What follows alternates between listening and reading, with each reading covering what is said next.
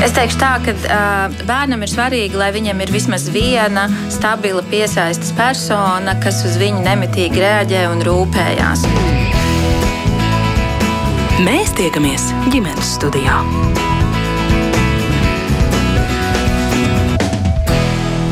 Labdien! Mani sauc Mārcis Notiņa, un kāda man pazīstama četrgadniece jau ir mani uzaicinājusi uz kāzām.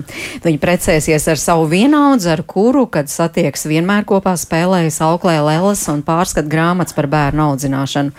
Es vēroju to ar smaidu, bet kā šo patikšanu pret otru uztver pats bērns pirmskolas vecumā, un cik nopietnām vajadzētu būt vecāku sarunām ar pusaudzi par attiecību veidošanu ar savu pirmo simpātiju. To es tūlīt pārunāšu runāšu ar Latvijas Universitātes psiholoģijas nodaļas vadītāju asociēto profesoru Ievu Stokenbergu. Labdien! Un šeit studijā arī papārds ziedu vadītāja Iveta Ķelle. Labdien! Labdien! Jā, nu es tā ļoti īsi ieskicēju to ainiņu, kādas jums skatos uz jums, jau kādas pirmās asociācijas jums tagad veidojas, vērojot, kā, kā, kā tas ir, ka šādi mazuļi divatā jau veidotās attiecības, tādas ļoti ciešas un ļoti konkrētas? Nu, manī rezonē uzreiz divas lietas. Pirmkārt, es uzreiz eh, ļoti sāku plati smaidīt, kā mamma. Eh, jo, jo manas pašas meita arī bērndārs vecumā saņēma um, gan, gan simpātiju apliecinājumus, gan bildinājumu. Uh, mums joprojām mājās stāv gredzens ar sirsniņu, un, un, un ik pa laikam nu, mēs vēl apmaināmies ar otru ģimeni ar jautājumiem, kā tad iet otram, lai gan bērndārs gaids ir jau beigušās un attiecības neturpinās. Um, Bet kā uz šo reaģēja meita? Kaušu reģēja meita. Nu, ziniet, man liekas, ka te ir tāda skaistā lieta, kas ir, kas ir pirmām kārtām brīnišķīga. Mēs varam vērot, ka bērni grib veidot attiecības un ka viņiem ir iespēja vingrināties, izspēlēt, izmēģināt kaut kādus lomu modeļus. Un, um, jā, es zinu, ka to piedzīvo ne visi bērni ne visi vecāki. Tas nebūtu jāuztver tā kā norma. Nu, tagad es nezinu, kāda mamma vai teica, teikt, tā manai meitai vēl neviens nav izteicis bildinājumu, bērnu dārsts pēdējais gads, ko darīt. Nē, tā ir ļoti liela dažādība. Bet, ja mēs redzam, ka vispār interesi ir un ka mēs varam izmantot to kā iespēju apspriest, nu, kā tas ir, kā tu jūties. Un es varu teikt, ka es kā mamma sajūtu to kā tādu ļoti vērtīgu dāvanu, ka man bija iespēja ar savu meitu pārunāt, nu, kā viņa jūtās un kā tas priekš viņas ir. Un tad mēs, protams, arī runājām par visādiem rituāliem, jo viņi bija, protams, abi sarunājuši, ka rīt tad, nu, viņi nāk ar to savu garo balto kleitu, un, un puisim arī ir tur jāvelk svētku tērps, un viņi precēsies. Nu, tā mums bija tāda laba iespēja pārunāt, nu, kā tas ir un kurā vecumā cilvēki precās, un, un kā vēl bez precēšanās mēs varam viens otram izrādīt savus jūtas. Bet es saprotu, tas viss tādā gaišā noskaņā, jo jūs teicāt, es kā mamma smaidu par šo visu, un katrā ziņā noteikti meitai arī pozitīvas emocijas. Jā, nu, tas ir jau mazliet pagātnē, un, un, un kā jau teicu, bērnās gaitas ir beigušās. Un, un nebija arī tā, ka viņi būtu palikuši rokās saķērušies līdz pēdējai bērnās dienai. Um, un, un te man liekas, atkal ir tāda ļoti svarīga lieta, ko mums ir būtiski paturēt prātā kā vecākiem, ka mēs piedzīvojam laiku, kad bērni vingrinās rotaļājoties. Un tad ir ļoti forši, ja mēs varam arī nu, viņus atbalstīt šajā procesā. Protams, turpinot viņus mīlēt, gādājot par viņiem, rādot paraugu, bet vienlaicīgi arī nu, piedaloties rotaļā. Un tai nav jābūt uzreiz ar nu, kaut kādām nezinu, smagnējām lietām vai, vai kaut kādu nezinu, mantas dalīšanu vai, vai kas nu tur būtu. Jo šai gadījumā daudzas no šīm pirmajām attiecībām viņas iesāks, viņas izbeidzas, un, un tā paliek vienkārši kā tāda, kā tāda atmiņa. Ievēta, jūs varat tā teikt, ka tā ir tāda vingrināšanās. Faktiski pirmie vingrinājumi tādām īstām pieaugušo Jā, attiecībām. Man vēl ienāca prātā ievas sacītajam, ka nereti jau, un to mēs zinām, ka bērni spoguļo, ja bērni, bērni vingrinās rotaļājās tajā, ko viņi redzējuši pieaugušo attiecībās. Ja, tas, un es domāju, tas ir ļoti pozitīvi, jo ne visās ģimenēs ir tādas nu, attiecības starp tēti un mammu, ne visās ģimenēs ir tas tēts klātesošs. Un tas, ka bērni šādā veidā izspēlē izspēlē un veido attiecības tikai pozitīvu zīmi. Ģimenes studijā arī pirms šī raidījuma sazinājās ar divu bērnu māmu. Vienam šobrīd seši gadi, otram deviņi gadi, un ģimene par bērnu iemīlēšanos pirmo reizi aizdomājās, ka dēls mācījās pirmajā klasē. Lūk, mammas stāsts. Pirmā klase, kad bija meitene izdomājusi atzīties manam puikam mīlestībā. Viņa bija norganizējusi, kad visus izdzinusi no klases laukā Un, uh, tad, kad viņa bija atzinusies, uh, nu, ka pateiks, ka mīl, tad uh, manam puikam bija atbilde, nu, ja tu vēlies, mīli mani. Tas bija ļoti jauka. Un, uh, Meitenei šī atbilde apmierināja. Viņa priecīgi izskrēja no klases laukā. Paziņoja skolotājai, ka Mārtiņš ir atļāvis viņu mīlēt. Bet pēc tam vēl arī bija interesanta situācija, kad es mēģināju, nu, skolotājiem šo situāciju stāstu. Un es tā kā mēģinu, nu, puikam prasīt, vai viņam arī patīk šī meitene. Skolēns atbild, ka nē. Es tā kā mēģinu noskaidrot, kāpēc. Un viņa vārdi tieši tādi bija. Viņā ir pārāk daudz agresijas. Ja kaut kas nebūs prātā, tad dabūšu ātri pa galvu. Tas arī kā pieaugušs cilvēks spriedums. Bet vispār izdevās ar puiku parunāt par tādām lietām, nu, tā kā bija šis Pirmā reize, gadījums. kad bija tā, kad es viņam sāku šo te jautājumu, nu, tā kā prasīt, viņš īstenībā bija ļoti dusmīgs, kad uh, skolotāji ir izstāstījuši šo situāciju. Viņš nebija īsti priecīgs, viņam likās, ka tā ir viņa privātā lieta. Bet tad otrā reizē es mēģināju, nu, noteikt, ka viņam tāds labāks garstāvoklis, uh, bumbas pārdot, tā neuzkrītoši par to parunāt. Bet jūs runājat tieši par šo gadījumu, vai jūs runājat vispār? Kas tā iemīlēšanās un tā? Tajā reizē tieši par šo gadījumu, bet uh, mums ir mazā māte, kura ir dārziņā, un viņai vairāk šī tēma ir uh, aktuāla. Viņai arī ir savs puisis, kurš patīk dārziņā, un tad viņa vairāk tā kā viņa iet un saka, es viņu mīlu, es viņu mīlu. Un tad mums sanāk tikai par šīm tēmām parunāt, bet liekas, ka meitenes vairāk atraisītākas ir. Bet ko bērni vispār saprot? Jūs esat tā noskaidrojis, sakot, es mīlu tur to vai šito puisi vai meiteni.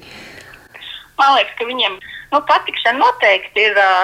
Nu, viņš saka, ka es tevi to mīlu, ka tas vairāk ir kaut kāds patīk, un kaut kādas darbības, ko šis otrs bērns, kā, nu, uzvedības kaut kāds modelis, kas viņam patīk, man liekas. Nu, meitenītei ir tāds, kurai patīk puisīts, ir viņš tāds ļoti pieklājīgs, akurāts, tāds vienmēr pret meitenēm ļoti jauki izturās.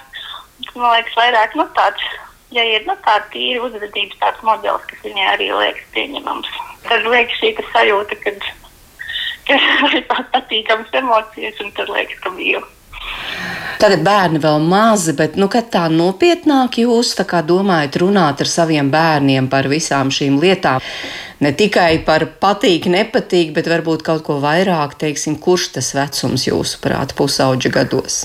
Man liekas, ka katram bērnam noteikti būs uh, individuāli. Nu, pēc saviem matiem es varu pateikt, ka ar puikas jūtu, ka pilnīgi vēlāk, jo viņam arī nav šī tāda interese, ka viņam pagaidām tikai sports, sports, sports, un ja es viņam kaut ko uzjautāju par meitenēm, tad tas ir uh, tālu, tālu projām, jo pagaidām man liekas, ka ar veidu es drīzāk dabūšu ātrāk par šo visu runāt. Uh, nu, tas vecums varētu būt dažādāk, tādāk, kur, cik man liekas, tas pats bērniņš ir uh, nu, nobriedis un sagatavots.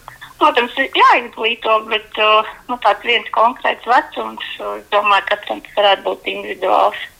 Pagaidām tiešām viņš jau ir palielāks, un tagad ir tāds periods, ja kaut ko par meitenēm, tad tas ir viss projām. Viņš nav gatavs uzklausīt. Man liekas, ka meitiņa tad vairāk viņai interesē arī tāds, uh, nu, par mīlestību parunāt un par bučošanos un kaut kas tāds, ko viņi ir bērnu vecumā pagaidām.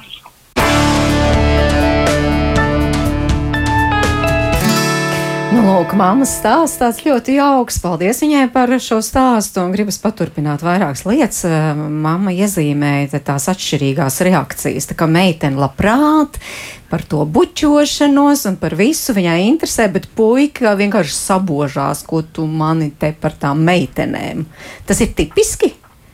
Ieva, tā varētu teikt. Nu, no vienas puses tas ir tipiski, tāpēc ka nu, pavisam skaidrs ir, ka tās lomas, kādas mēs ģimenē esam nu, izspēlējuši līdz šim, tas droši vien ir ļoti saistīts ar to, kā, kā mēs varētu rēģēt. Un, un, nu, droši vien katra ģimene var tīt atpakaļ un, un, un domāt, cik tipiski un cik ierasti ir, kad, kad, kad mamma runā ar abiem bērniem par to, kā kaut kas ir jūtās, kā kurš jūtās un ko kurš par to ne, izjūt, un cik daudz par to runā tētis. Un, un, un attiecīgi, nu, pasakot līdzi, vai mēs vienlīdz daudz par tādām emocionālām detaļām, pieredzēm veltam uzmanību gan dēliem, gan meitām. Jo, jo tas arī ir tas, ko mēs diezgan labi zinām.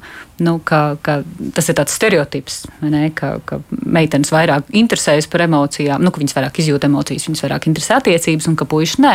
Nu, patiesībā tā nav. Puiši arī ir tikpat emocionāli, bet Protams, ka sociāli pieņemama biežāk ir tāda praksa, ka mēs vieglāk un ērtāk to risinām ar meitenēm. Un tā kā tipiski tās sarunas ir, ko ved mamma, sarunā sieviete ģimenē, tad tas, tas asimetriski veidojās tajā virzienā. -hmm. Iveta, ir kaut kas tev vēl piebilstams?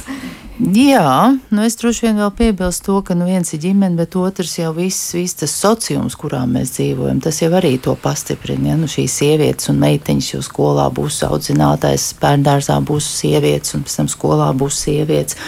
Un viss šī saskarsme, jeb sarunas sievietēm, meitenēm, tas noteikti būs, um, tas mūsu sabiedrībā notiks daudz biežāk, un šie vīrieši ir iztrūkstoši ne tikai ģimenē, bet arī pēc tam izglītības iestādēs, kurās iet gan meitenes, gan zēni. Uh, rosinājums arī mūsu klausītājiem iesaistīties sarunā. Piemēram, Inga mums raksta, mans puisis dārziņā nesaprata, ko tās meitenes viņa aicina uz ballītēm. Teica, ka droši vien patīk un ir labs draugs, bet viņam nebija skaidrs, kāpēc tieši viņš un neviens cits puika drusku likās pat apgrūtināts no tās uzmanības. Bet te arī ieskanējās, ka mamma ir mēģinājusi saprast, kāpēc tam eh, pirmskolniekam ir iepaticies tā eh, viņa vai viņš, un tur izskanēja, nu redz, iepatikās, jo tas puika ir tāds pieklājīgs un tāds. Un... vieglāk, vieglāk. Ar tādiem puišiem vieglāk. ar tādiem vieglāk. Nu, no otras puses, es domāju, mēs varētu brīnišķīgi katrs tīt atpakaļ savu stāstu un jautāt, kāpēc man iepatikās kāds puisis, kā vai, nu, vai, vai kurš bija tas cilvēks, kas man iepatikās. Nu, mēs zinām, ka tas ļoti bieži ir iracionāli. Mēs bieži nezinām, kāpēc tas ir, un, un, un varbūt tur ir tas skaistums. Un, un droši vien arī nebūtu nu, īsti, nu, vai neko mēs ar tādu informāciju varam iesākt. Nu, ko tad man tagad būt tādam jaukam, lai es patiktu, vai tieši otrādi man jāmēģina būt nejaukam, lai tās meitenes liek man mierā.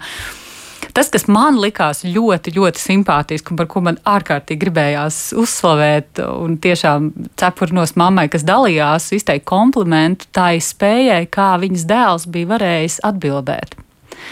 Jo man šķiet, ka šis ir ļoti labs piemērs, kurā mēs redzam, ka nu, šis zēns ir demonstrējis patiešām tādu lielisku emocionālu briedumu.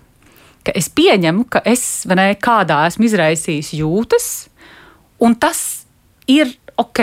Mm -hmm. Nu, tā kā tu drīksti mani mīlēt, nu, lai tā viņa mani mīl, un tas neuzliek man nekādus pienākumus. Un es domāju, ka šī ir ārkārtīgi forša nu, pieeja, kuru mēs patiesībā varam patiešām droši nu, paturēt galvā, arī domājot par sarunām ar saviem bērniem, kā man tagad rēģēt, ja man kāds izrāda ne simpātijas.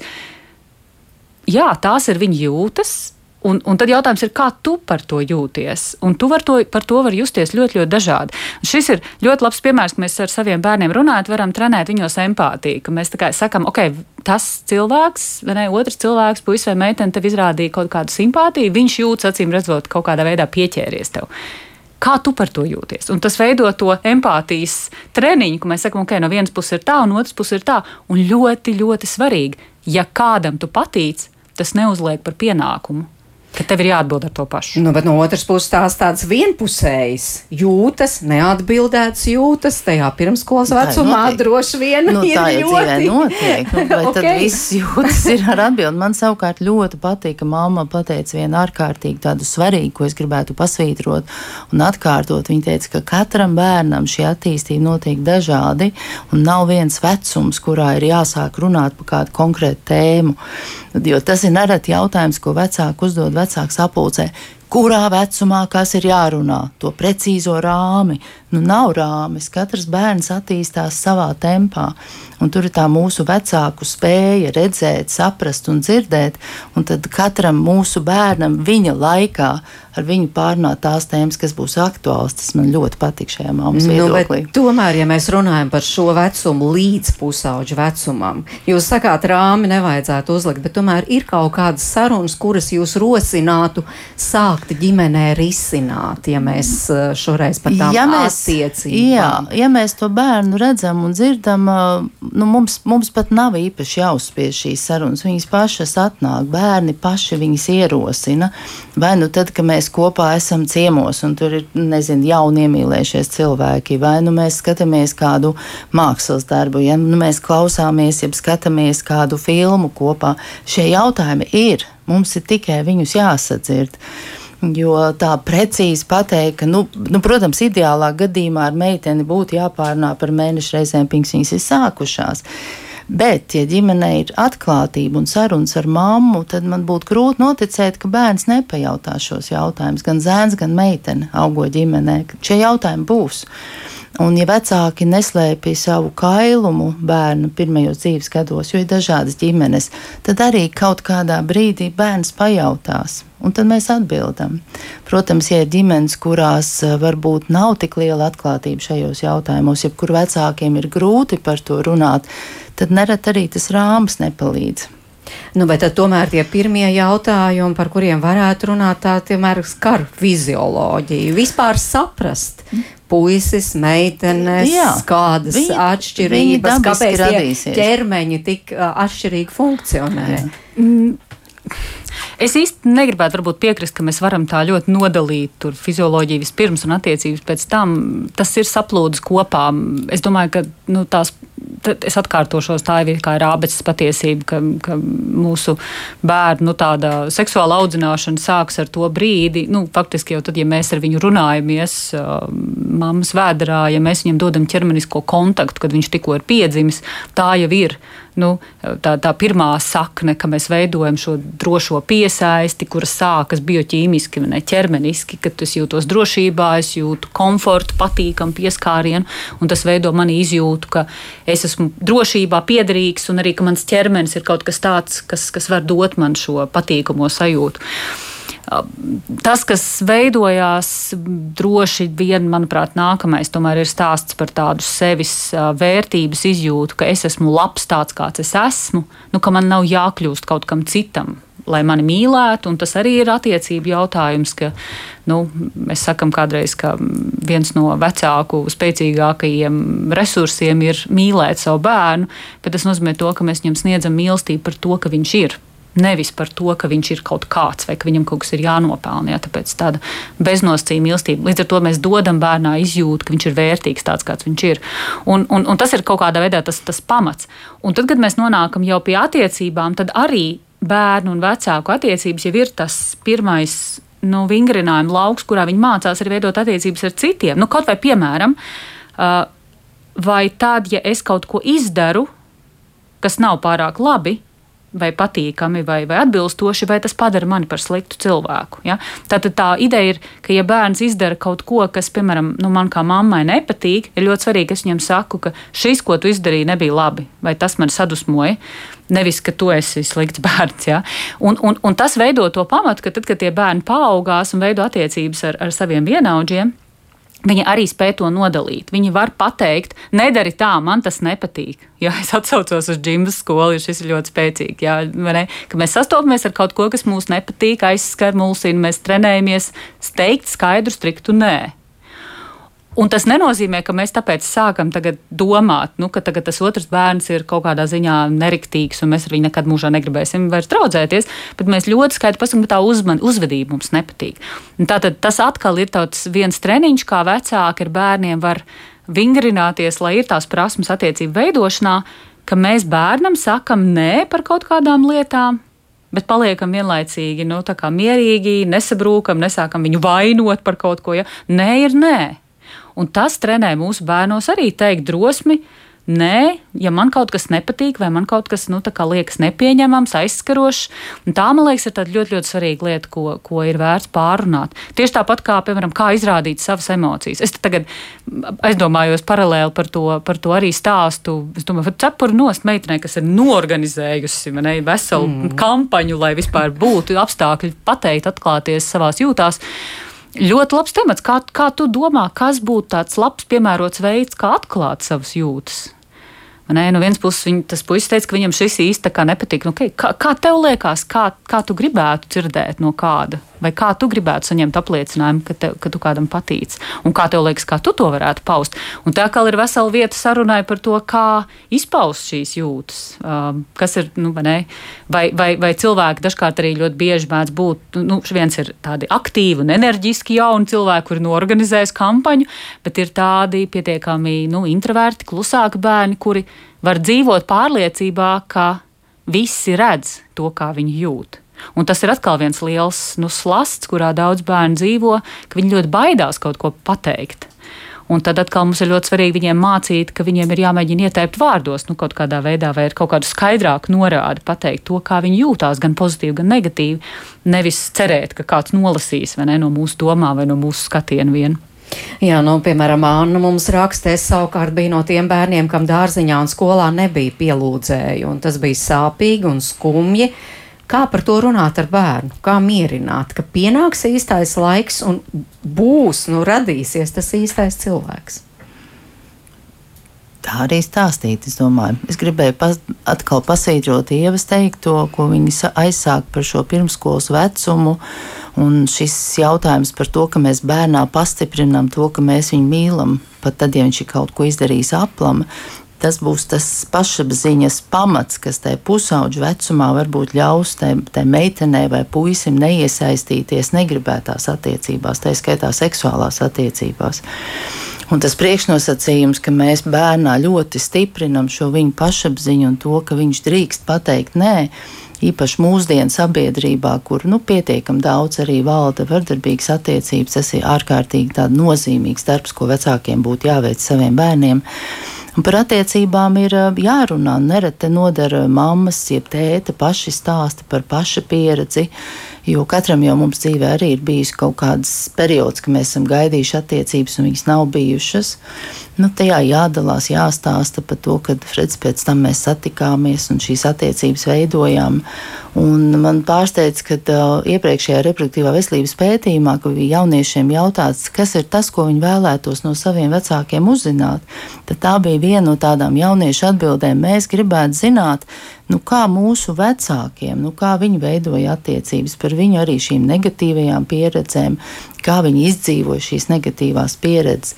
Tā kā tā saruna atkal būs tas atslēga vārds - saprast, mm -hmm. klausīties, būt empātiskam un pastāstīt savu pieredzi. Nu, tā kā Anna arī, piemēram, varētu stāstīt par savu sāpīgo pieredzi saviem bērniem. Jā, es, es pilnīgi šim piekrītu, un, un te, man, te man gribās varbūt. Um, Ziniet, kā ir zinātnē, no vienas puses ir tāda sausa un, un, un ļoti uh, racionāla, bet tur arī zinām poēzija. Un tā poēzija, kas man šajā brīdī nāk prātā, uh, angļu valodā mm, tiek lietots tāds apzīmējums, runājot par dažādiem um, attīstības paterniem, nu, vai tādiem dažādiem scenārijiem, kā jauni cilvēki izaug, nobriest līdz uh, tādu nu, attiecību veidošanu, ko mēs varētu saukt par tādu um, stabilu vai nobriedušu vai nu, tādu. Jā, sta, tieši tā, stabilu nobriedušu attiecību veidošanu, tas būtu laikam precīzāk. Un, un tas uh, bieži vien iet arī kopā ar tādu jēdzienu, jā, ko, ko saka, ne, kurā vecumā drīzāk izrāda interesi vai uzsāk seksuālas attiecības. Nevienmēr obligāti tā kā tiešām dzimuma dzīve, bet, bet kaut kādu seksuālu kontaktu. Un, uh, un angļu valodā ir viens tāds ļoti skaists apzīmējums, kas nāk no vienas amerikāņu pētnieces uh, Cooperas, kura, kura runāja par lēni uzplaukstošiem ziediem. Late blossom. Un, un šos uh, lēni uzplaukstošos ziedus, uh, ar tiem viņi apzīmēja uh, tādu, nu, var teikt, grupu, un tas pētījumos ir diezgan smuki parādījās. Tie ir tādi jaunieši, kuri uh, nonāk līdz uh, izjūtai, ka viņi vēlas būt attiecībās ap 19 gadiem, ne ātrāk. Un tur ir ļoti dažādi faktori, kas to ietekmē. Tur ir ļoti daudz saistības ar viņu personību, nu, kā kāda mēs vienkārši esam pēc savas, kas lielā mērā ir iedzimta un tāda, tāda ne, mēs esam no kaut kāda materiāla veidot.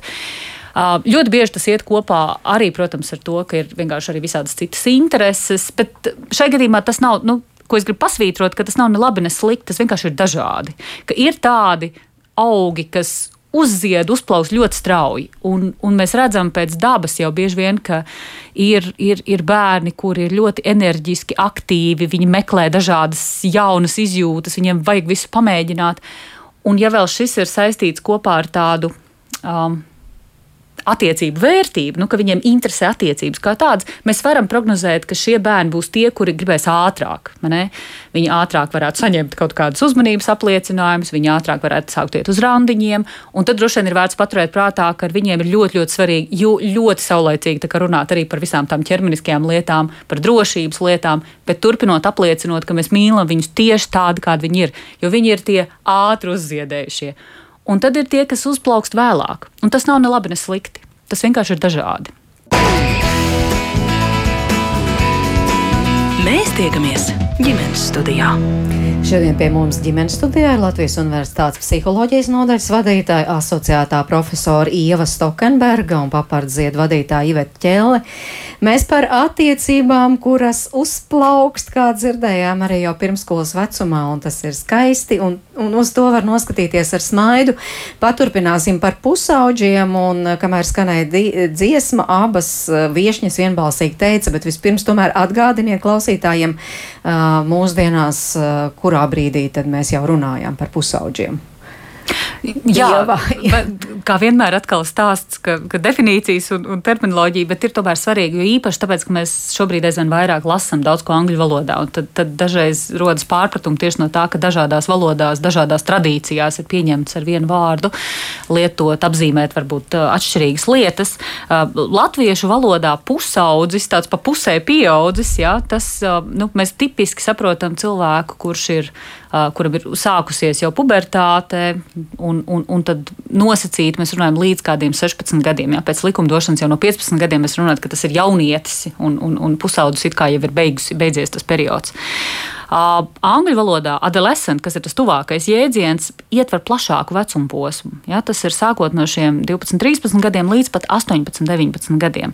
Līdz ar to mums ir jāsaprot, ka tad, kad mēs kaut ko lasām par adolescent, tas nav precīzi pusaudzis tā kā tipiski latviešu valodā to saprot. Tas ietver vecāku, plašāku vecuma posmu, un jūs man piekritīsiet, ka jautājumi, kas ir svarīgi 13 gadniekam, un jautājumi, kas ir svarīgi 17 gadniekam, varētu būt pilnīgi atšķirīgi. Ja viņi nav vienā katlā metami. Nu, bet arī eh, dažādas noteikti būs tās uztveres. Ja mēs runājam tā mierīgi par pirmskolas vecumu bērniem, ka viņi visu uztver mierīgi, tad, protams, šajā vecumā, kad jau tur tās fizioloģiskās pārmaiņas sākušās, tas viss notiek daudz tā sāsinātāk. Nu, es tā iedomājos uzreiz to ainiņu, piemēram, ja tas notiek, nu, pieņemsim, 8. klasē, kur kāda meitene norganizē, nu, vēlreiz atceramies šo, kā tā pirmklasniece izdarīja, jūs visi izaiet ārā no klases, un es tagad šim puisim atzīšos mīlestībā. Astotā klasē būs noteikti cits scenārijs. Jā, kāds varētu būt tas scenārijs? nu, grūti pateikt. Jauniešu iztēle un, un filmas, kas ietekmē viņu iztēli un seriāli un tas viss, ko viņi redz Instagramās un TikTokos, es domāju, mēs pat nevaram iedomāties. Bet tas varētu, es domāju, tas varētu būt tikpat labi kaut kādā kluba pasākumā un tikpat labi tas varētu būt kaut kur skolā, nu jebkur, kā tas ir bijis visos laikos. Un tad es, man ļoti patīk tā jūsu doma, ko jūs teicāt, ka faktiski jā, tās sarunas, jeb tā pusaudzība, nu, ir atkal tas rāmis, bet nereti jau vecāki saka, nu, jā, manējam jau tuvojas pubertāte. Ja? Ir kaut kas, kas emocionāli parāda to, ka, nu, ies vaļā. Vēl nav, bet ies vaļā. Nu, meitenēm ir tā varbūt vienkāršāk, ir tās mēneša reizes, kuras mums jau, jā, Nu, nu tā ir, nu, ir pa īstam sācies, bet parasti jau vecāki nolasa jau pirms tam, kad kaut kas pamainās raksturā, un tas jau, es jau pat to gribētu ielikt tai pusauģi, nu, pubertāts, ja pirms pubertāts, ja agrīnās pubertāts vecumā. Un ja šodien ir meitenes, kurām mēnešreiz jau sākas desmit gados, protams, tā nav norma, bet tas ir izņēmums, bet tā ir tad varētu jau būt, ka nereti arī deviņos gados būs šis pirms pubertātes vecums, kur mēs kaut ko varēsim novērot, ka bērns mainās viņa emocijās, attieksmēs. Mm -hmm.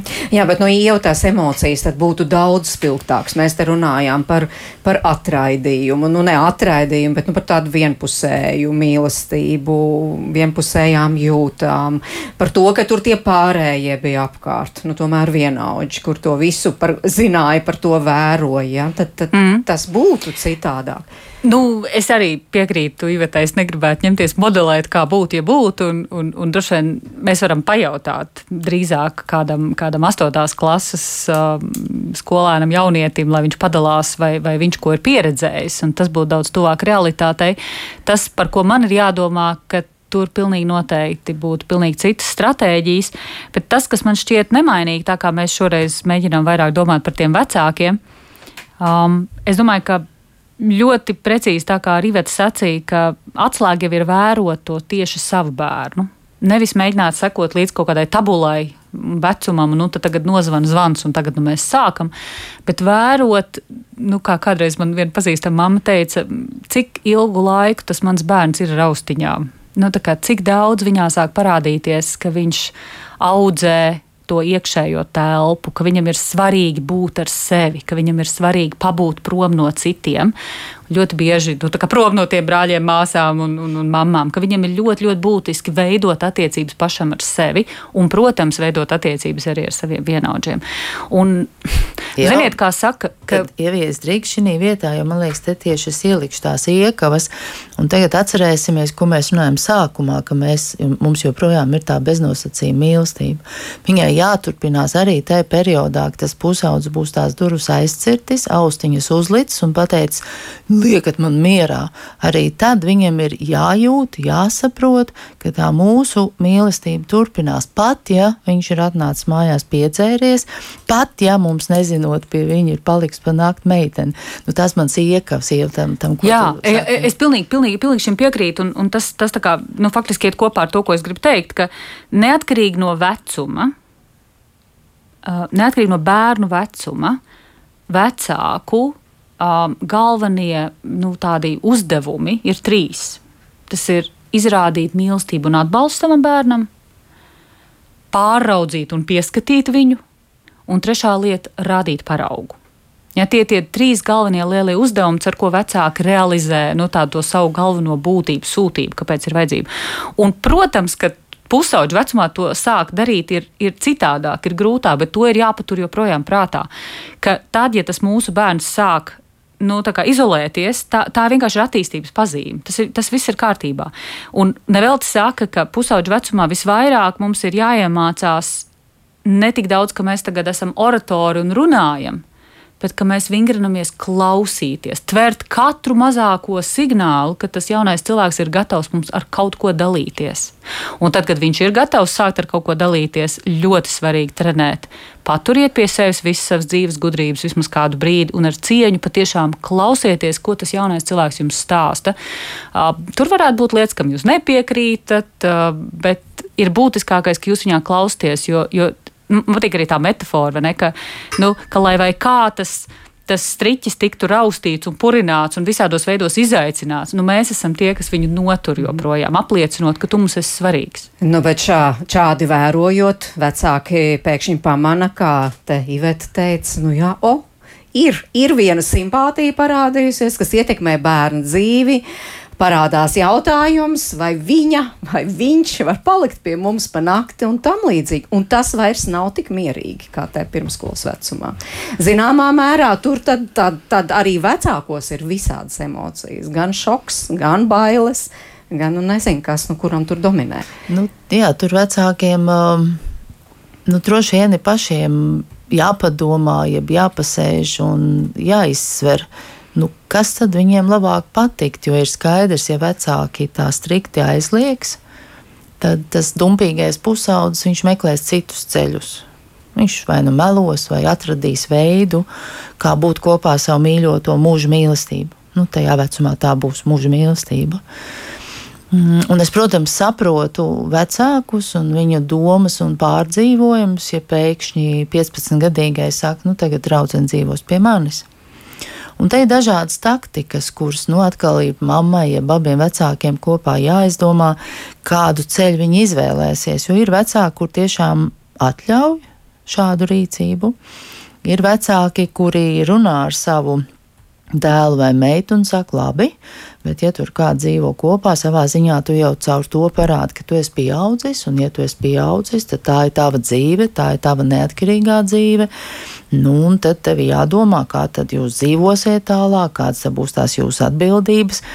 Nu, vai tu esi arī gatavs kļūt par tēti vai par mammu? Nu, kopā pārunāt šos jau pieaugušās dzīves jautājumus. Un nerad tas varbūt liek aizdomāties šim jaunietim, vai es esmu tiešām gatavs pieaugšai dzīvei, kurā ir šīs atbildības. Bet vienmēr, vienmēr tie vērojumi mums pateiks, nu kāds tad ir tas mūsu bērns, jeb jaunietis, jo viņš var teikt, jā, ok, es esmu gatavs, jā, un, un es, mēs ar draudzeni tagad, nezinu, strādāsim visu vasaru, lai mēs varētu īrēt dzīvokli tad kaut kam tādam arī tev jābūt gatavam, kā mammai vai kā tētim. Mm. Kā tas ir tāds nedaudz sarežģīts jautājums, kā vecākiem šajā situācijā rēģēt.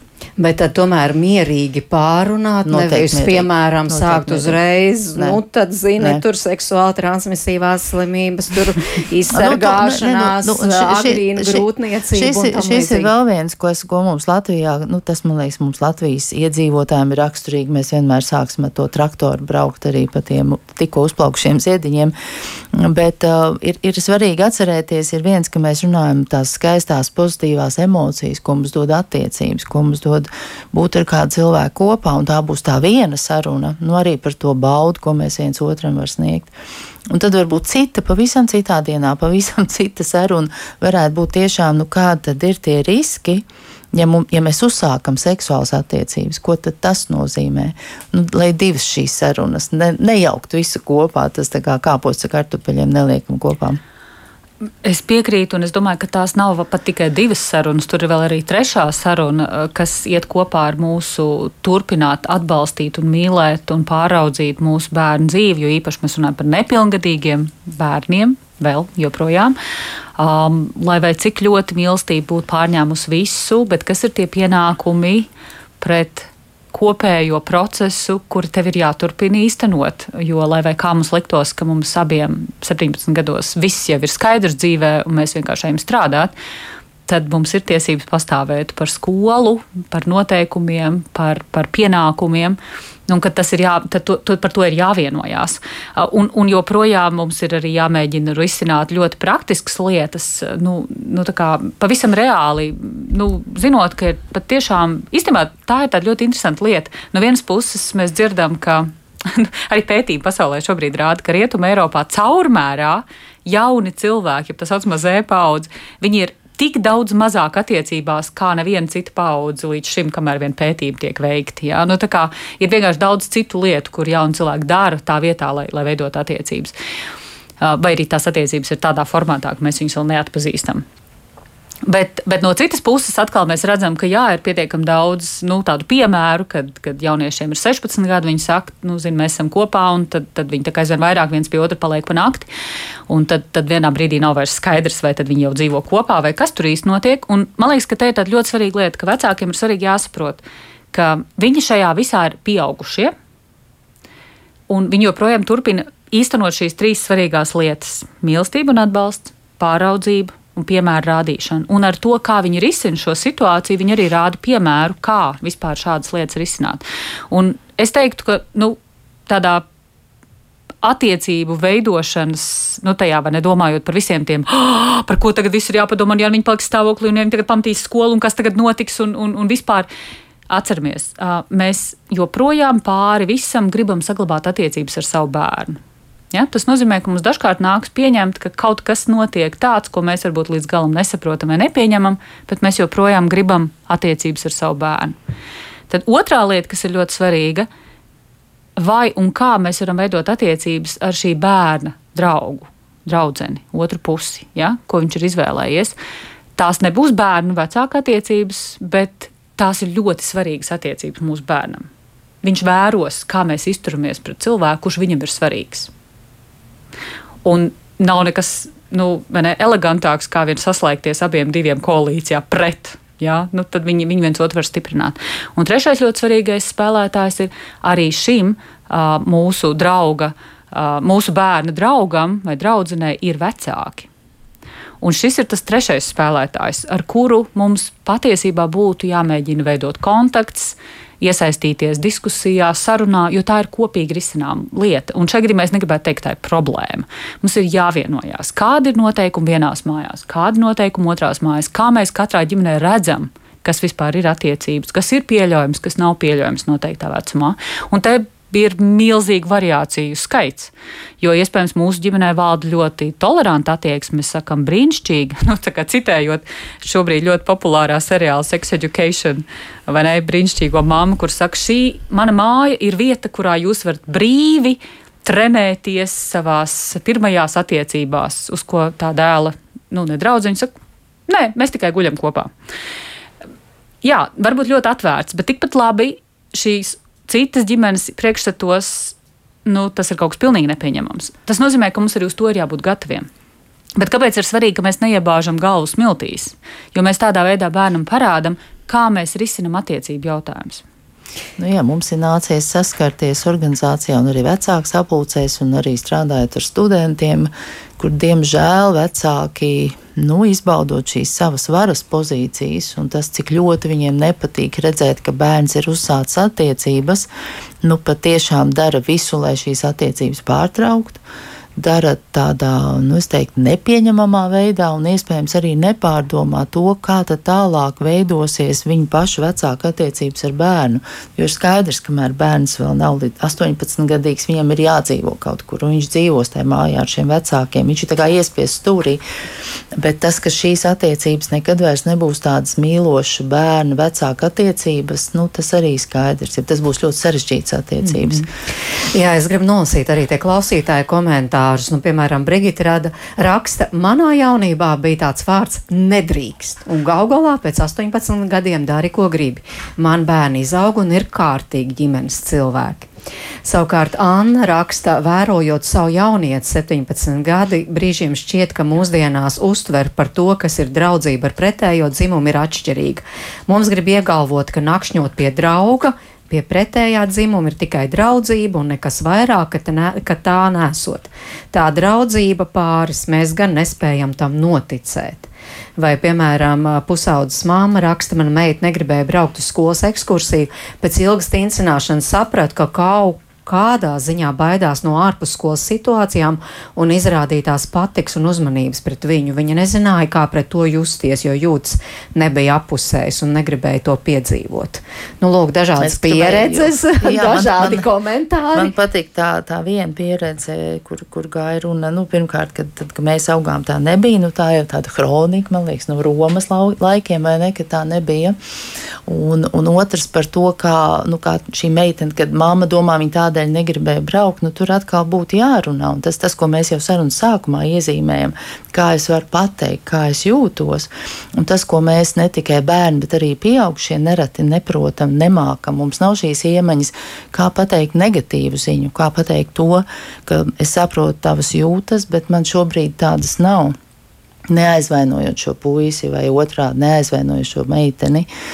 Un, un tā kā mēs to nemākam pateikt, vai mēs baidamies no reakcijas tāda, kas varētu šo cilvēku aizvainot, ja mēs viņu aizvainosim, tad tā ir tāda izvairīšanās taktika, un arī pieaugušie izmanto. Un es domāju, ka tas ir tas gadījums, kur atkal mamma varētu mēģināt ar meitu runāt, nu kā tev ar šo puisi pārunāt šīs attiecības. Jo tas ir nereti, ko jaunieši arī mums mūsu nodarbībās ir jautājuši, nu kā es, es patīku tam puisim, bet man viņš nepatīk, kā man viņam pateikt, lai, lai es viņu nesāpinātu. Tas atkal ļoti empātiski. Tas, tas jau ir labi, ka mēs domājam par to, kā otrs jutīsies. -hmm. Jā, bet diemžēl tas, ko mēs zinām, ir asimetrija, ka meitenes ļoti bieži būs gatavas darīt kaut ko, lai tikai otrs nebūtu dusmīgs, aizvainots. Mēs labi zinām, kurš šis narratīvs var aizvest. Kā, es domāju, ka vingrināt bērnus teikt, nē, tas īstenībā ir ļoti svarīgs uzdevums. Un es kaut kādā ziņā gribu arī šajā jautājumā mm, atsaukties uz, uz, uz klausītāju, kas raksta, ka bija tāds vārds nedrīkst. Tas vārds jau nekur nav pazudis. Tie ir tikai un vienīgi katras ģimenes nu, principi, likumi, kā viņi to vienojās. Vecākiem ir visas tiesības noteikt, kas notiek viņu mājā. Vienlaicīgi, protams, ir jāsaprot, ka visi, kas dzīvo tajā mājā, par to var kaut kādā veidā justies. Un tad droši vien ir svarīgi, ka tomēr tas tiek pārunāts. Un kas vēl man tajās vēstulēs, ko es gribu piebilst, tur viena no mamām raksta apmēram, ka viņa netic, ka jaunieši ir kopā un viņiem nav seksuālas attiecības. Tas ir tāds vēl viens grāvs, kur mēs nereti pieaugušie iedomājamies, ja puisis un meitene ir kopā, tad viņiem noteikti ir seksuālas mm. attiecības. Un tā ir gan tāda, tāds maldu ceļš ticam saviem bērniem, uzticamies. Nu, kādēļ mēs domātu, ka viņiem ir kaut kas, ja viņiem varbūt tiešām tās ir tādas romantiskas, draudzīgas attiecības, kur varbūt viņi visu nakti staigā un skatās krītošajās zvaigznēs. Tas arī nekur nav pazudis. Jā, un vēl kāds klausītāja komentārs - nežēlīgs laiks, bet skolā un vecāki nemāca fizioloģiju un anatomiju un kontracepciju. Tas, tas arī gan, tas gan, ir tāds neatbildēts piekrīt. jautājums daudziem bērniem. Tiešām piekrītat, jā? Absolūti. Te tikko pieminēja, ka tagad taču ir visādi mūsdienīgi kanāli un var izglītoties visos iespējamos. Nu, labi, veidos. bet kāpēc padomāsim iemīlējies jaunietis, kāpēc viņš meklētu informāciju par, par seksuāli transmisīvām slimībām? Nu, kāpēc lai kaut ko tādu meklētu jauns cilvēks, kuram ir prātā mīlestība, viss skaistais? Ja? Tas ir kaut kas, ko mēs parasti nedomājam un arī nemeklējam šādu informāciju. Tas ir kaut kas, ko tomēr kā mums nosaka Latvijas reproduktīvās veselības likums, ko valstī būtu jāparūpējas, lai ik viens cilvēks zinātu, kādā veidā viņš var saslimt un kā viņš var novērst šo saslimšanu. Un, arī izvairīties no nevēlamas grūtniecības. Nu, jā, bet tad skolās jūs piekrītat, tas tagad par to nerunā. Jā? Nu, mēs nevaram atkal teikt, ka nekad mm -hmm. neviens ne ar mm -hmm. vienu bērnu nerunā. Runā mazāk nekā būtu vajadzīgs un ne visās skolās, ne ar visiem bērniem. Jā, un ļoti svarīgi ir neaizmirsīsim, ka kaut ko zināt nenozīmē prast pielietot. Prasmes neveidojas no tā, ka es paskatos, kā to ne, kāds cits kaut kur ir izdarījis citā vidē. Un tas ir iemesls, kāpēc kaut kā skatīšanās var iedot mums kaut kādu drosmi, motivāciju, bet viņi nevar iedot mums prasmes. Tas ir reāli jātrenē reālās situācijās. Un tieši tāpēc šobrīd atkal domājot par fokusu uz vecākiem, runāt par to, kas ir pieņemams, kas nav pieņemams, kādas ir robežas, kādas ir sekas, kā es tagad tieku ar to galā. Tas ir reāls prasmes, ko viņi varēs likt lietā savās attiecībās. Šeit, Jā. šeit viens, viens īsais padoms, kas man pēkšņi atcerējos no papardzietas, tā kā zelta fonda, ko mēs sakam jauniešiem, ja jūs neesiet gatavi pirms seksuālām attiecībām pārunāt, kāda kā jūs, kādu kontracepciju jūs lietosiet, nu, visbiežāk tam vajadzētu būt tomēr prezervatīvam, tad jūs neesiet gatavi seksuālām attiecībām. Tas ir vēl viens, kas parāda to, cik jūs esat gan tuvi savās attiecībās, gan nobrieduši seksuālām attiecībām, gan arī ziniet, kāds, kā sev pasargāt.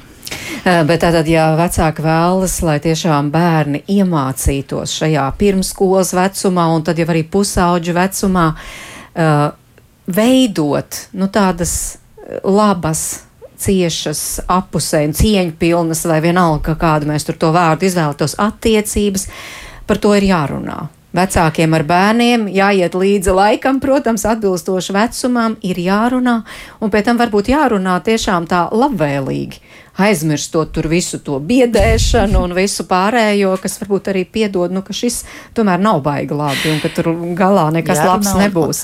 Un, nu, un jāklausās, jā, mums tas ir svarīgais vārds, jārunā jā, un jāklausās, jā, tas būs, tas būs tikpat svarīgi. Jā, un es katrai mammai un tētim un vecmāmiņai un krustmātei un, un, un, un, un onkulim varbūt, kurš klausās un domā par saviem mazajiem jaunajiem radiniekiem un, un tiem, par ko mēs rūpējamies, Um, es aicinātu padomāt uh, plašākā dzīves perspektīvā. Kas ir tas, ko mēs no sirds novēlam saviem bērniem? Tā padomāt uz mirkli.